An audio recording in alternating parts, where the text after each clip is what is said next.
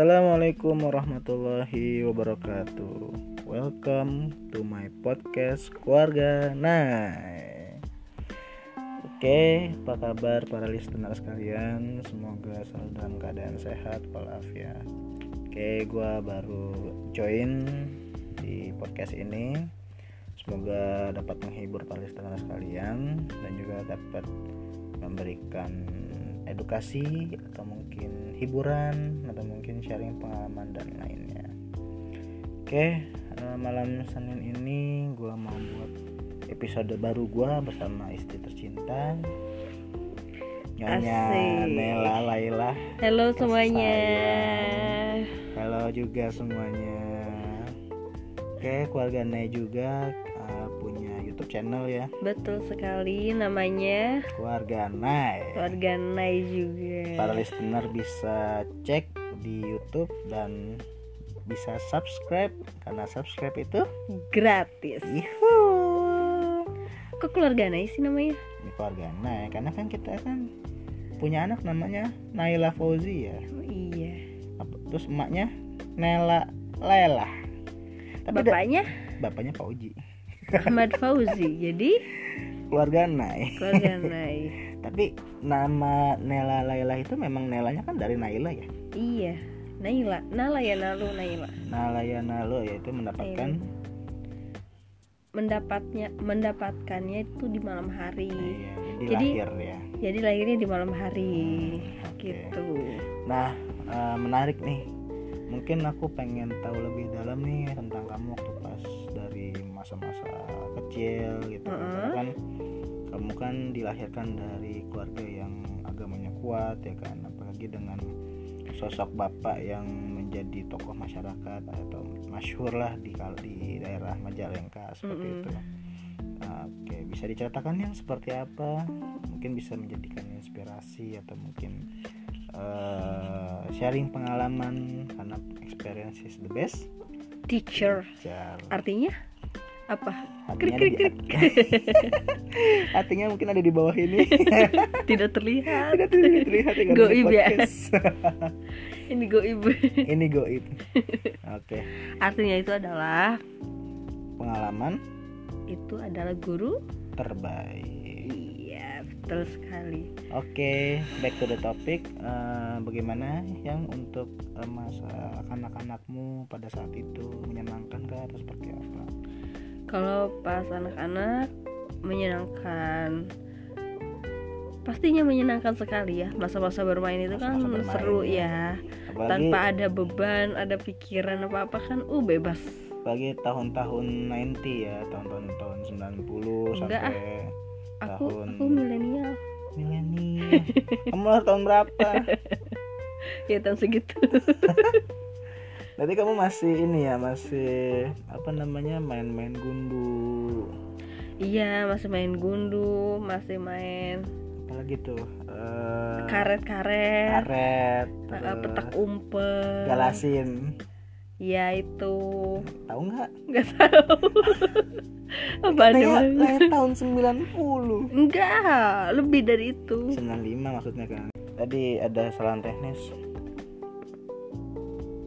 Ya jadi Apa namanya Posisinya Masih ini ya Apa namanya eh, Permainan-permainan yang main gundu Yang tradisional, tradisional, tradisional. tradisional. beda dengan zaman sekarang. Sekarang mah HP mulu. Kayaknya saya kayaknya aku lihat tiap anak sekarang pagi-pagi HP game. Iya sih? Iya. Kan kebanyakan kayak gitu. Dulu mah kagak ada yang main HP Tapi hebatnya orang dulu ya. Mungkin kamu pernah mengalami pada saat kita janjian sama teman kita dulu kan nggak punya HP ya iya tapi bisa Ta- tapi tepat bisa tepat waktu tepat gitu waktu ya dan di tempat yang memang kita sepakati pada saat itu iya gitu. betul sekali iya iya iya iya Contoh misalnya, eh besok kita main ini yuk, main petak umpet di sini. Dan itu kan dulu kita, ya, HP itu kan mungkin kalangan-kalangan orang elit ya, orang yang mungkin menengah ke atas. Karena kan kita kan Iya. dulu eh, apa sih gitu kan, nggak, nggak punya itu gitu. Tapi bisa. Mereka bi- iya bisa tepat waktu. Tepat waktu gitu. Cuma memang mau kerja kelompok juga sama teman-teman SD ketemuannya ya memang tanpa HP iya. Misalnya habis asar nanti ketemuan ya di rumah si A. Ya udah habis asar langsung pada ketemuan nah tuh. itu. Heeh. iya. Tapi Betul. ada ada beberapa hal yang perlu kita sikapi masalah gadget ya. Terutama di zaman anak-anak sekarang ini memang gadget itu eh, terkadang memang kita perlu mengikuti teknologi. Betul. Karena mungkin pada saat itu teknologi belum terlalu canggih jadi memang tradisional permainan-permainan tradisional atau ataupun eh, apa cara masaknya pun juga masih tradisional. Ya dulu kan masih pakai areng terus juga masih di apa tuh namanya? Dikepek-kepek. Bukan kayak apa itu loh yang eh, tempat kuali yang dari tanah liat itu. Benar gak sih? Oh iya iya iya. Iya kan? Terus juga apa namanya eh, buat padahan nasi itu dari yang dianyam jadi itu nasi apa sih ini bakul gitu ya? Hmm, iya nggak sih? Bakul, kan namanya kan? Bakul. Mm. nah itu perlu memang perlu kita sikapi juga karena kita nggak nggak bisa menyalahkan juga sih memang anak-anak sekarang memang sudah masuk eh, era 4.0 Mm-mm. di mana teh digital ataupun uh, teknologi itu sudah masuk dalam satu wadah yaitu gadget. Iya tapi sebaiknya sih peran orang tua di sana sangat betul. penting sekali untuk mengawasi atau membimbing anak-anaknya untuk mengarahkan pemakaian gadgetnya. Karena perlu harus difilter pertama anak itu bisa menjelajah di internet itu apa pun bisa dijelajahi. Iya. Dari dari spek anak-anak dari speknya dewasa pun juga bisa diakses. Bahkan kan kadang kalau pas main game kan kadang suka ada iklan-iklan kayak gitu kan. Nah itu Nah, yang itu. perlu dibatasi sama orang tua sekalian bahwa memang pembatasan bukan kita ngebatasin atau tidak membolehkan. Memang gadget itu kalau digunakan secara positif bisa mem- membuat anak itu menjadi kreatif. Contoh banyak kan sekarang kita mungkin lihat anak-anak sekarang bisa pinter ngedit video. Iya pokoknya mengarahkan ke arah positif Betul. lah kalau seandainya tidak diarahkan maka hasilnya pun juga akan negatif. Iya. Mereka bisa mengetahui akses-akses yang tidak yang dilarang seperti itu. Karena memang eh, dalam satu genggaman kita bisa melihat dunia. Bahasanya seperti itu. Kalau dulu kan ibarat kata buku itu kan jendelanya. Cuman sekarang gadget adalah akses untuk menjadi dunia itu iya. Nah back to the topic. Dulu eh, masa-masa kecil gimana waktu pas kamu di Majalengka mungkin kan berbeda ya sama kayak aku yang di eh, perkotaan di khususnya di Tangerang ini gitu. Oke aku kan asal dari kampung ya. Kampung yang tidak terpencil sih. Masih kelihatan di peta. Ya, kayaknya nggak nggak terlalu begitu juga kali ya. Oh iya iya iya aku kan berasal dari kampung ya. Kalau masa kecil itu kan mainan masih mainan-mainan tradisional Mm, ya kan kayak gitu sama teman-teman Iya. ngumpul-ngumpul enak. Mm, terus kata orang tua saya sih kata orang tua aku eh, dulu katanya kalau aku lagi main lagi asik mainan sendiri tuh misalnya kayak mainan Barbie Barbian Mm, mm, atau dagang-dagangan. Mm. Jadi kat- katanya tuh gak boleh ada yang ngerecokin. Iya nggak boleh gangguin lah intinya. Gak boleh ada yang gangguin kalau ada yang gangguin ya udah aku nangis gitu. Mm, iya. Jadi kamu lebih ke sisi introvert ya? Maksudnya tuh Iya. introvert itu lebih dia menutup diri sih orangnya. Jadi memang pengen itu sendiri gitu. Iya waktu itu aku pengennya sendiri gitu. Cuman aku juga apa iya ya kayak gitu. Ah, lupa kan? Mhm, iya. itu udah lama gitu. Iya kemudian eh, teman-teman yang lain pada TK aku nggak nggak TK Kenapa dulu ngerti kak? aku aja nggak tahu. Maksudnya apakah memang pada saat itu umur kamu belum cukup atau? Kayaknya sih belum cukup karena kan kebanyakan teman-teman aku tuh di atas aku umurnya Berarti di tahun 94 ya semuanya? 9 ya dari 90 sampai 94an lah. Hmm, Berarti sekitar lima tahun ke di atas kamu. Mm-mm, iya. Terus pas mau masuk SD itu karena teman-teman aku semuanya itu udah pada masuk SD kan. Mhm. jadi eh, orang tua aku tuh kayak yaudah kamu sekolah aja gitu kan. Sedangkan Hmm, umur aku waktu itu berapa? Enam tahun kayaknya sih. Enam tahun oke. Kalau sekarang kan masuk SD harus 7 tahun ya? Tujuh tahun peraturan yang terbaru. Iya waktu itu aku umurnya enam tahun. Dan umur enam tahun itu aku gak tahu apa apa gitu. Ngapain sih masuk SD aku kan lagi enak-enak main, Main, ya kan? iya. gitu. Karena memang masanya anak-anak ya bermain bukan maksudnya memang ada waktunya kenapa kena kenapa program di taman kanak-kanak itu belajar sambil bermain betul nggak sih? Mm-mm. karena memang mereka ada masa transisi nantinya Iya. pada saat nanti mereka sudah naik ke kelas 1 SD mereka udah akan fokus fokusnya belajar belajar meskipun memang ada eh, permainannya juga gitu. Cuma memang nggak terlalu banyak lah persentasenya. Iya yang jadi gitu. Jadi pas aku masuk SD aku keseringan nangis tuh kalau mau pergi sekolah Mhm. iya kadang aku dianterin sama bapak gitu kan naik mobil Oh, Nyampe kamu dulu udah punya mobil ya? aku belum punya mobil Maksudnya orang tua kamu dulu sudah punya mobil gitu ya? iya bapak Apa? Nah, diantarin kan nyampe nangis nangis sampai sekolah gak mau masuk kelas terus aku ke kantor habis ke kantor kalau nangisnya udah reda aku main-main sama temen-temen ya kayak gitu terus tuh Hmm. selama nyampe 2 tahun lah kurang lebih Hmm. kelas 1 kelas 2 masih kayak gitu Iya, iya. iya kadang kan waktu aku kelas 2 tuh masuknya jam 10 yang Itu negeri atau swasta? negeri Negeri. masuk jam 10 pulang jam 12an jadi cuma 2 jam belajar Karena dulu kalau nggak salah aku juga waktu pas ngerasain di negeri itu eh, aku dulu masuk jam 7 pulang jam 12 ya sekitar 5 jam kalau nggak salah belajar dulu. ya aku jam 10 kalau kelas 2 karena kan memang tempatnya juga kan Terbatas. terbatas gitu Hmm, oke. jadi pagi buat kelas 1 nyampe jam 10 Oh iya iya. Iya, Dibagi jadi. iya jadi jam 10 nyampe zuhur itu bagian kelas 2 kan Hmm. jadi aku tuh punya temen Hmm. punya temen di bawah aku setahun jadi pas dia pulang udah pulang sekolah nih aku nanya kamu udah pulang sekolah? Udah katanya. Kelas 2 udah pada masuk. Aku nangis gak mau sekolah. Iya karena ketinggalan kan. Ketinggalan itu ya. aku gak mau akhirnya gak jadi sekolah tuh. Itu kamu ngambek sampai berapa lama?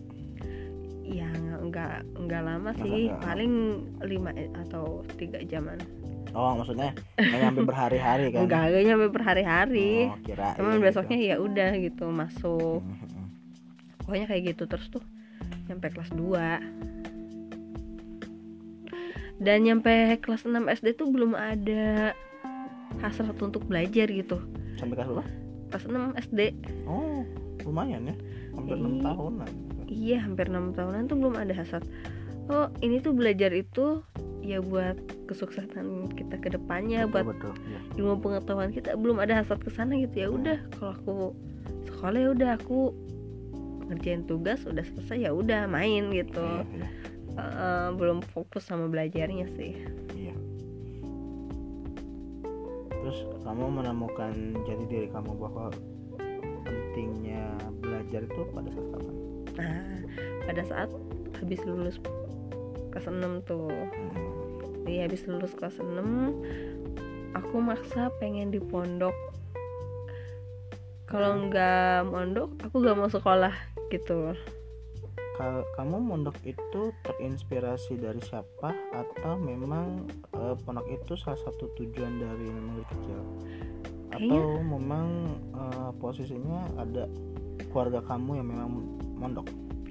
Kalau keluargaku ya AA AA mondok teteh-teteh aku juga kan mondok.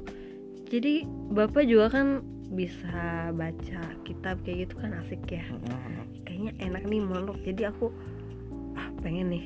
Kayaknya harus mondok nih daripada teman-teman di rumah kan kalau habis sekolah pada main lagi Iya. gitu kan. Kalau di pondok kan teratur kan kayaknya gitu. Akhirnya aku bertekad kuat biar mondok gitu yang jadi pas mondok itu aku baru tuh fokus belajar. Baru ah kayaknya aku harus dapetin nih gitu. Hmm, baru dapat ya, apa namanya semangat belajar di situ. iya.